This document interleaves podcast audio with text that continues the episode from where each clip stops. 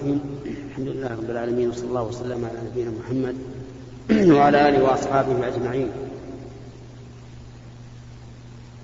هذا هو اللقاء الأول من شهر صفر عام أربعة عشر وأربعمائة وألف وهو اللقاء الأسبوعي الذي نعقده يوم الخميس من كل أسبوع. ونظرا لتأخرنا هذا اليوم فإننا نرجو منكم المعذرة أولا ثم السماح لنا بعدم الكلمة التي تكون مقدمة للأسئلة.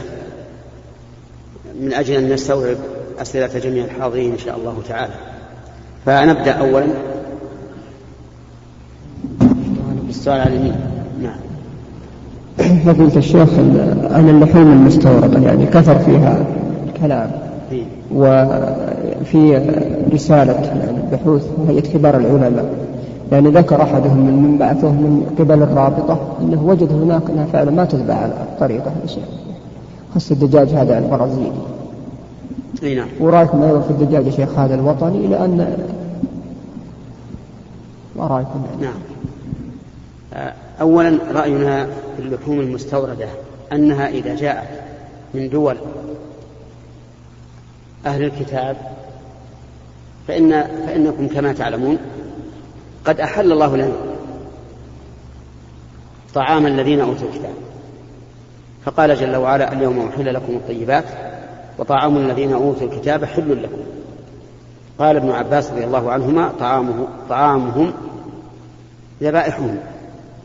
وثبت عن النبي صلى الله عليه وآله وسلم أنه أكل من الشاة التي أهدتها له المرأة اليهودية في خيبر وأكل من الطعام الذي دعاه إليه يهودي في المدينة وكان فيه إهالة سنخة يعني شحما آه، قديما. وكذلك أقر عبد الله بن مغفل أن يأخذ الجراب الذي رمي به في خيبر وهو من ذبائح اليهود. فإذا جاء فإذا جاء الدجاج من دول من أهل الكتاب فإنه حلال هذا هو الأصل. وليس وليس لنا ولا علينا أن نسأل كيف ذبحوه وهل سموا عليه الله أم لا. ودليل ذلك ما ثبت في صحيح البخاري أن قوما جاءوا إلى رسول الله صلى الله عليه وآله وسلم وقالوا إن قوما يأتوننا باللحم لا ندري أذكر رسول الله عليه أم لا. وكانوا حديث عهد بالكفر فقال سموا أنتم وكلوا. وقد جرى البحث في مجلس هيئة كبار العلماء. ودعوا وكلاء وزارة التجارة. وقالوا إننا لا يمكن أن نأذن لشيء يرد إلا ونحن مطمئنون. على أنه مذبوح ذبحا شرعيا ولنا وكلاء هناك. لكننا لا نقول إن جميع المصانع أو جميع مذابح أولئك القوم كلها على الطريقة الإسلامية. لكن ما يرد إلى المملكة فإنه محتاط له. هكذا قالوا وبناء على ذلك يكون حلالا وكذلك الدجاج الذي يذبح هنا أيضا لا شك في ذله وما يذكر من أنه يعطى من الدم أو نحو ذلك لا يضر. أولا لأن كثيرا من العلماء يقولون إن النجاسة تطهر بالاستحالة وأن الحيوان إذا أكل نجاسة تحولت النجاسة إلى دم ثم إلى آه، لحم مباح. وثانيا أن الجلالة التي حرمها أكثر أهل العلم هي التي يكون أكثر أكلها النجاسة.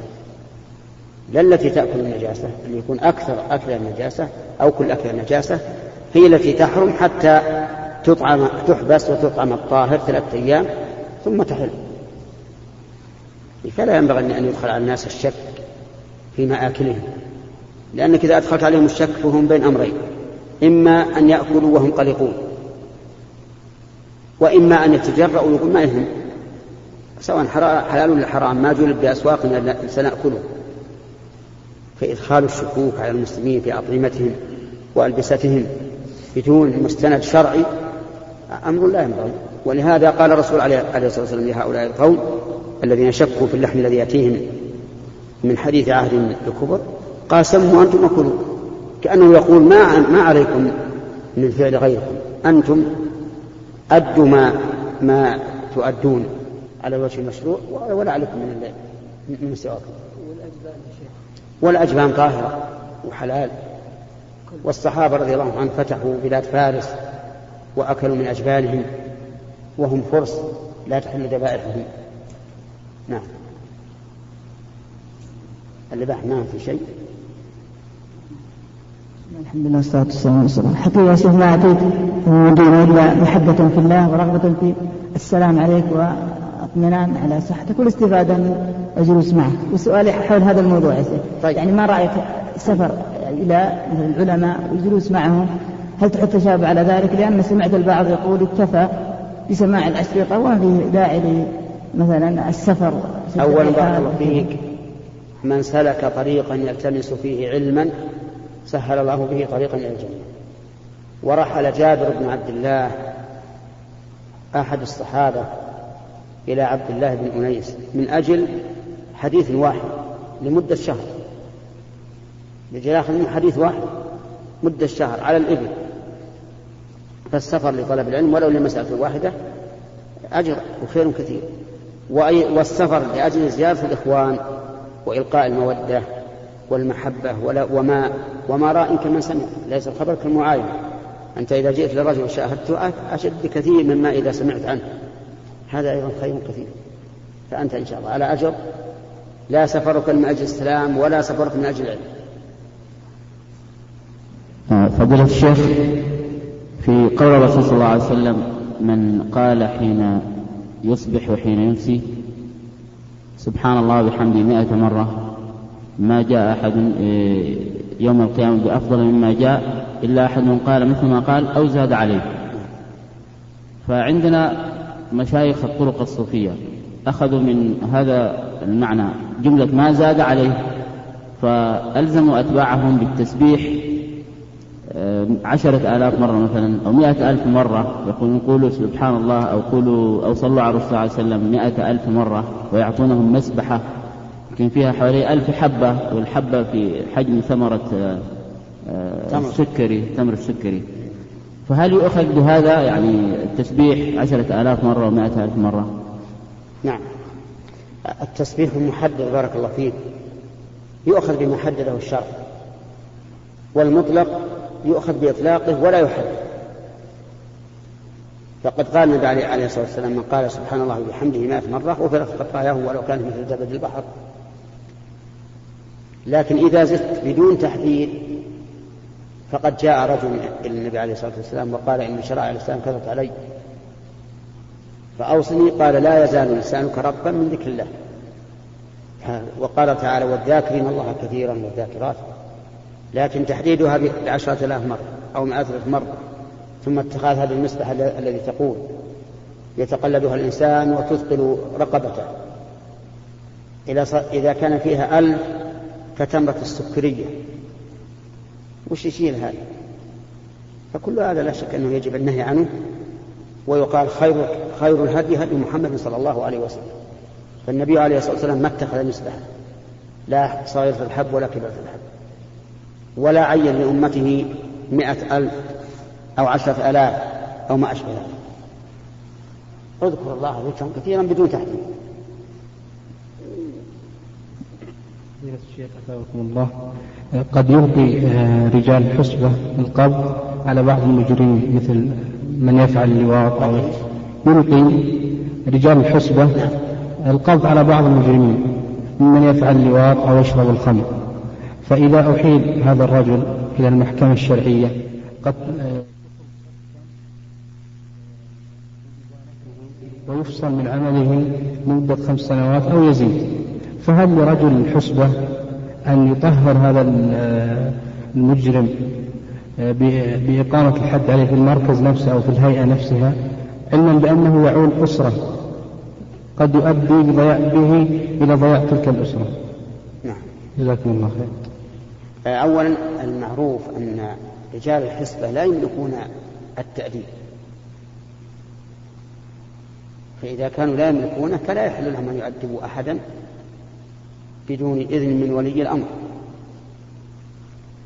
ثانيا إذا قبض على مجرم فينظر هل هذا المجرم ممن عرف بالشر والفساد؟ فيجب أن يرفع إلى ولي الأمر وإن ترتب عليه ما ترتب. وعائلته قد تكفل الله برزقهم وما من دابة في الأرض إلا على الله رزقها. أما إذا كان الرجل ليس معروفا بالشر والفساد ورآه من المصلحة أخذ التعهد عليه.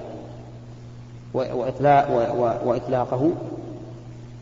ومع مراقبته بعد ذلك فهذا لا بأس به. لأن مسائل التهم ليست لا لا تستوجب الحدود الشرعية حتى يقال أنه لا يمكن إسقاط الحد. إنما تبيح التعزير والتعزير إذا رأى من له الأمر أن يخفف عنه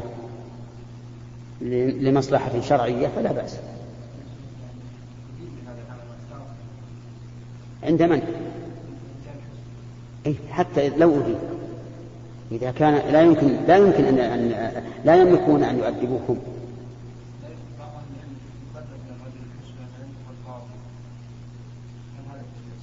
كلام على الآن الآن النظام عند الحسبة. ما هو النظام؟ أي ما لهم حق ويضربون ولا مرة واحدة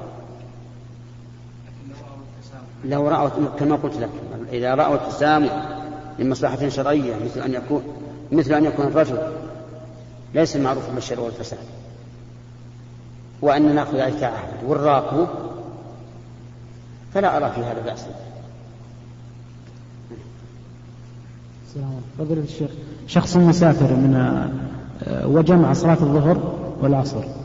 ولا ولم يتذكر صلاة العصر إلا ما بعد إلا بعد صلاة العصر صلاة الظهر إلا بعد صلاة العصر بعد ما صلى العصر بالجماعة فما الحكم عليه؟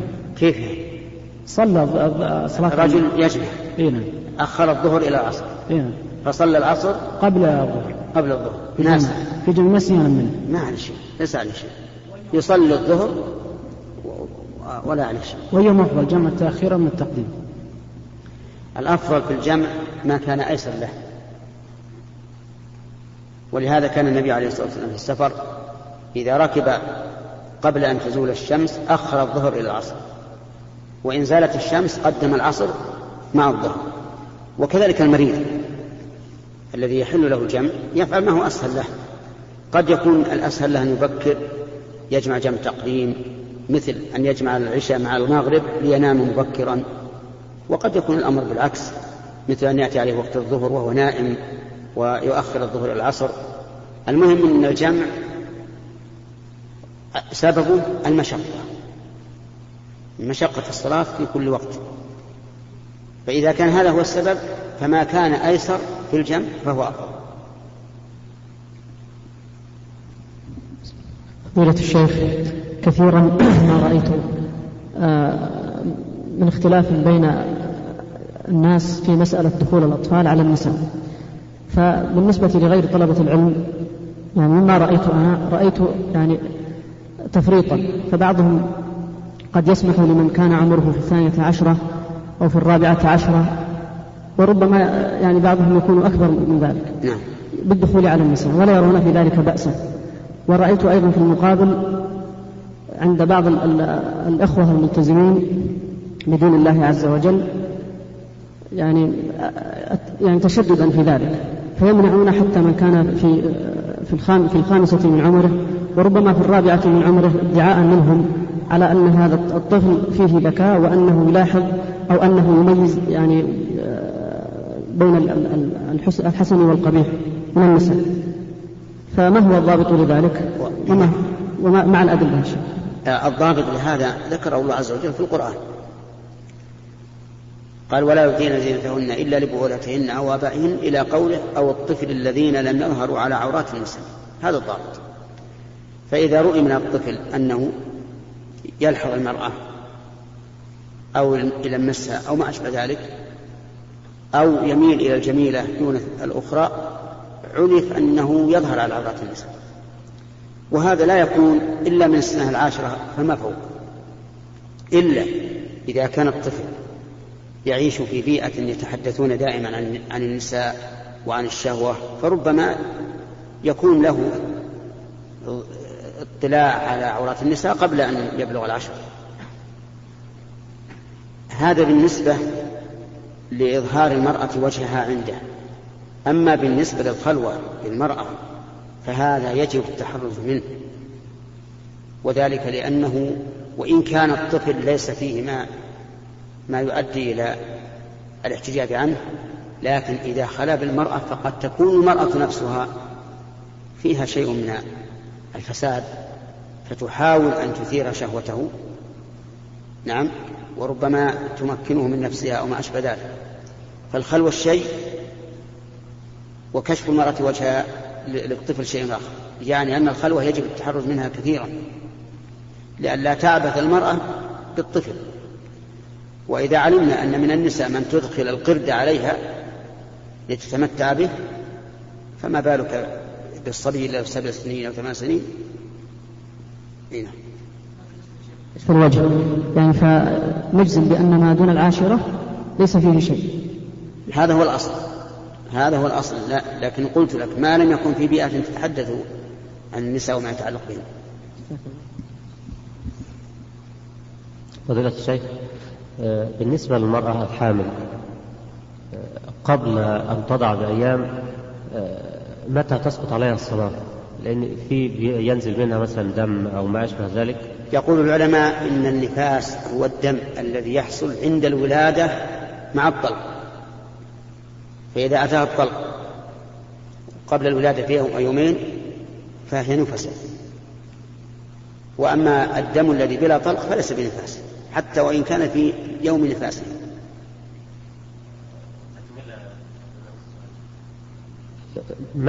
متى ينقطع انقطع منها دم النفاس بعد عشرة أيام؟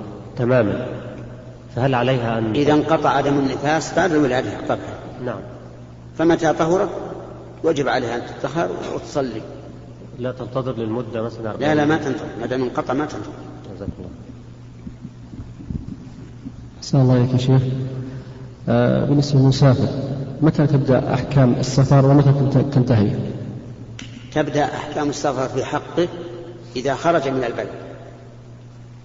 وتنتهي إذا دخل البلد. يعني فمثلا هنا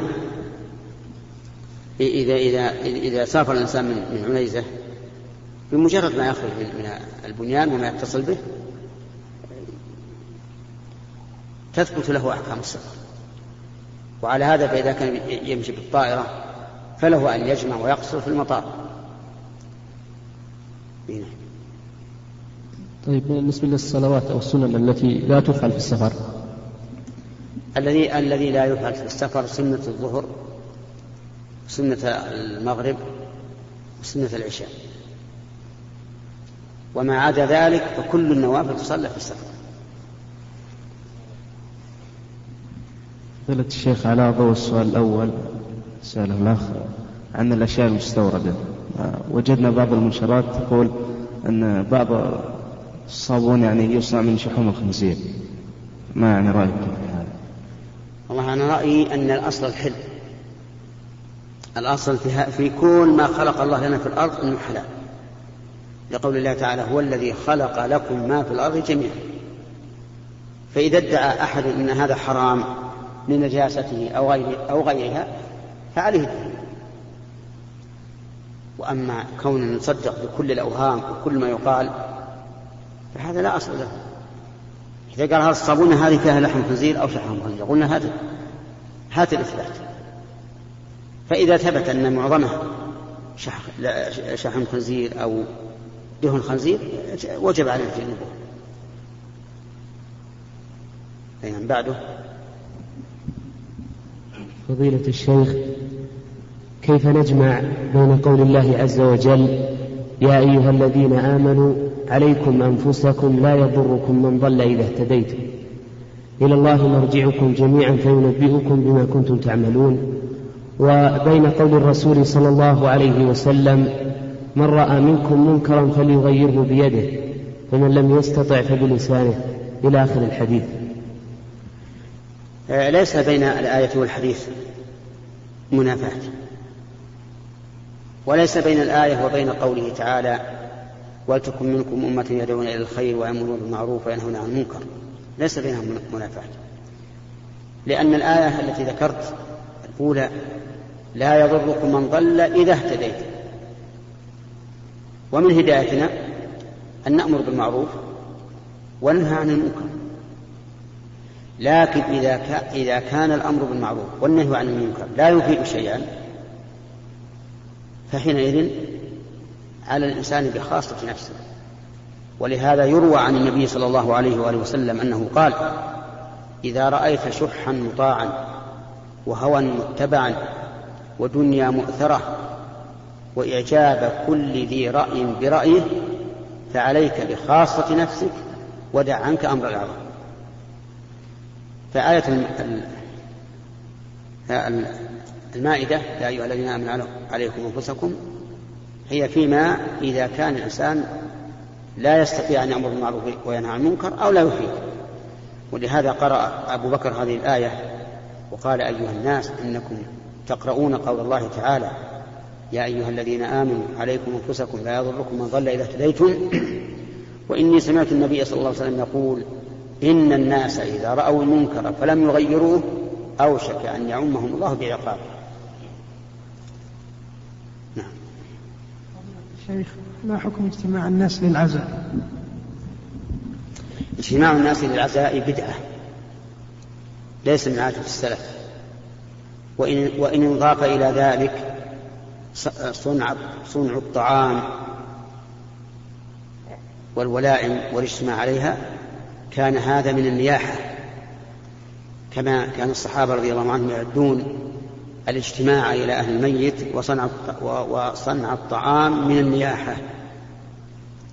والنياحة معروفة لعن النبي صلى الله عليه وسلم النائحة والمستمعة. ثم هذا الاجتماع ماذا يغني لا ينفع الميت ولا ينفع الحي. بل إن الحي ربما يزداد غما وهما.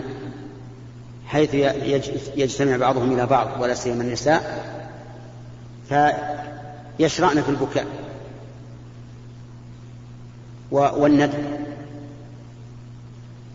فليس فيه خير بل فيه ضرر.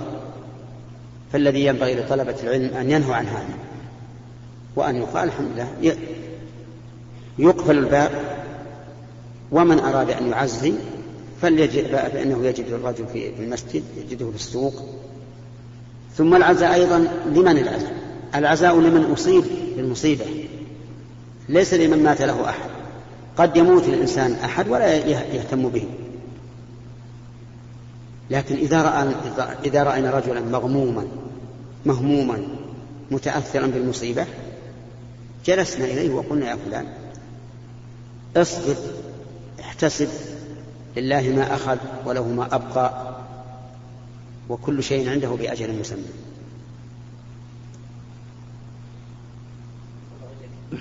ذكر الشيخ عبد الرحمن السعدي في كتاب الفتاوى أن أن الدراهم الموجودة الآن لا تلحق ولا تقوم بالنقدين. فما وجه قوله؟ وما وهل هذا صحيح؟ وما الذي ينبني على ذلك؟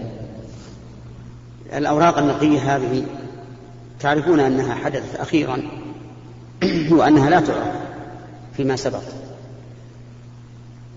فاختلف العلماء في في شأنها.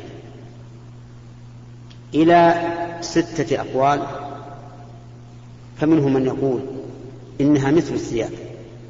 لا يجري فيها الربا ولا تجب فيها الزكاة وتعد عروض تجارة. إن قصد بها الإنسان تجارة فيه تجارة وإن قصد بها النفقة فليس فيها شيء. لو يجتمع عند الإنسان ملايين الملايين. ولا شك أن هذا القول باطل. ولا عبرة به. ومنهم من قال إنه يجري فيها الربا ربا الفضل وربا النسيئة. وأنه لا يجوز أن تأخذ ريال بريالين لا نقدا ولا مؤجلا. وهذا أيضا قول شديد. ومنهم من يقول إذا اختلف الجنس جاز التفاضل دون النسيئة. فيجوز مثلا أن أشتري دولارا يساوي أربعة ريالات بخمسة ريالات أو أن أبيعه بثلاثة ريالات هو يساوي, في السوق أربعة لكن أنا محتاج له فقلت لمن هو عنده أعطني الدولار بأربعة ريالات. أو يساوي أربعة وأنا محتاج لفلوس ولا وجدت من يشتريه إلا بثلاثة أبيعه. أو يكون ورقة ويحتاج الإنسان إلى فلوس نحاس حديد. فأعطاه الورقة فئة عشرة وأخذ منه تسعة فلا بأس. لكن يشترط في الجميع القبض في مجلس العقد وهذا القول قول وسط. وسط بين المنع مطلقا وبين الإباحة مطلقا. وهو اختيار الشيخ عبد الرحمن بن سعد رحمه الله. يرى أن بيع هذه النقود بعض البعض لا بأس به متساويا ومتفاضلا بشرط أن لا يكون مؤجلا. والشيخ رحمه الله بعد يتوسع أكثر مما قلت. يقول بشرط أن لا يكون مؤجلا يعني فيجوز عنده أيضا أن يتأخر القبض إذا لم يكن, إذا لم يكن محدد بأجل. لكن ما ذكرته أنا هو الذي أختاره أنك إذا بعت ورقة من فئة عشر بتسعة ولم تقبض فإنه حرام ولا يجوز. ولا يصح البيع. وإن قبض فلا بأس. نعم. من أراد زيارة مدينة جدة مع أسرته ثم يأخذ بعد ذلك بعد يوم أو يومين يأخذ عمرة. نعم. هل يبادر بالعمرة أولا؟ علما بأنه سي يعني سيسافر بسيارته ثم يمر في في الميقات.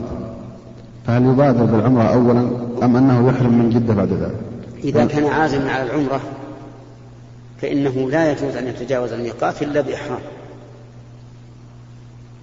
وأرغب أن ينوي العمرة من حين أن يركب من بيته لينال أجر السعي إلى العمرة. ولا ينوي أنه يذهب الجدة لأقاربه أو, أو لتجارته أو ما أشبه ذلك. ينوي أنه للعمرة. وأن وإذا وصل إلى الميقات أحرم منه وقضى عمرته ثم انصرف إلى شغله في جدة نعم. فضيلة الشيخ كثيرا ما نقرأ ونسمع عن وصف الإنسان بأنه خليفة لله في أرضه. بأنه, و... بأنه خليفة لله في أرضه. نعم. ويفر... ويستدلون بقول الله تعالى إن جعل... إني, إني جاء في الأرض خليفة وقول الله سبحانه وتعالى لداود. ويفرقون بينه وبين قول الله سبحانه وتعالى هو الذي جعل لكم خلائف في الأرض. فما هو الصحيح؟ في هذا الشيء. الصحيح بارك الله فيك أنه إن أريد بالخليفة أنه وكيل عن الله في خلقه فهذا لا يجوز. لأن الله تعالى أعلم بخلقه وهو المتصرف فيهم ولا يحتاج إلى واسطة أو وكيل. وأن يريد بذلك أنه قائم بأمر الله خليفة الله يعني معناه منفذ لأمر الله في عباد الله.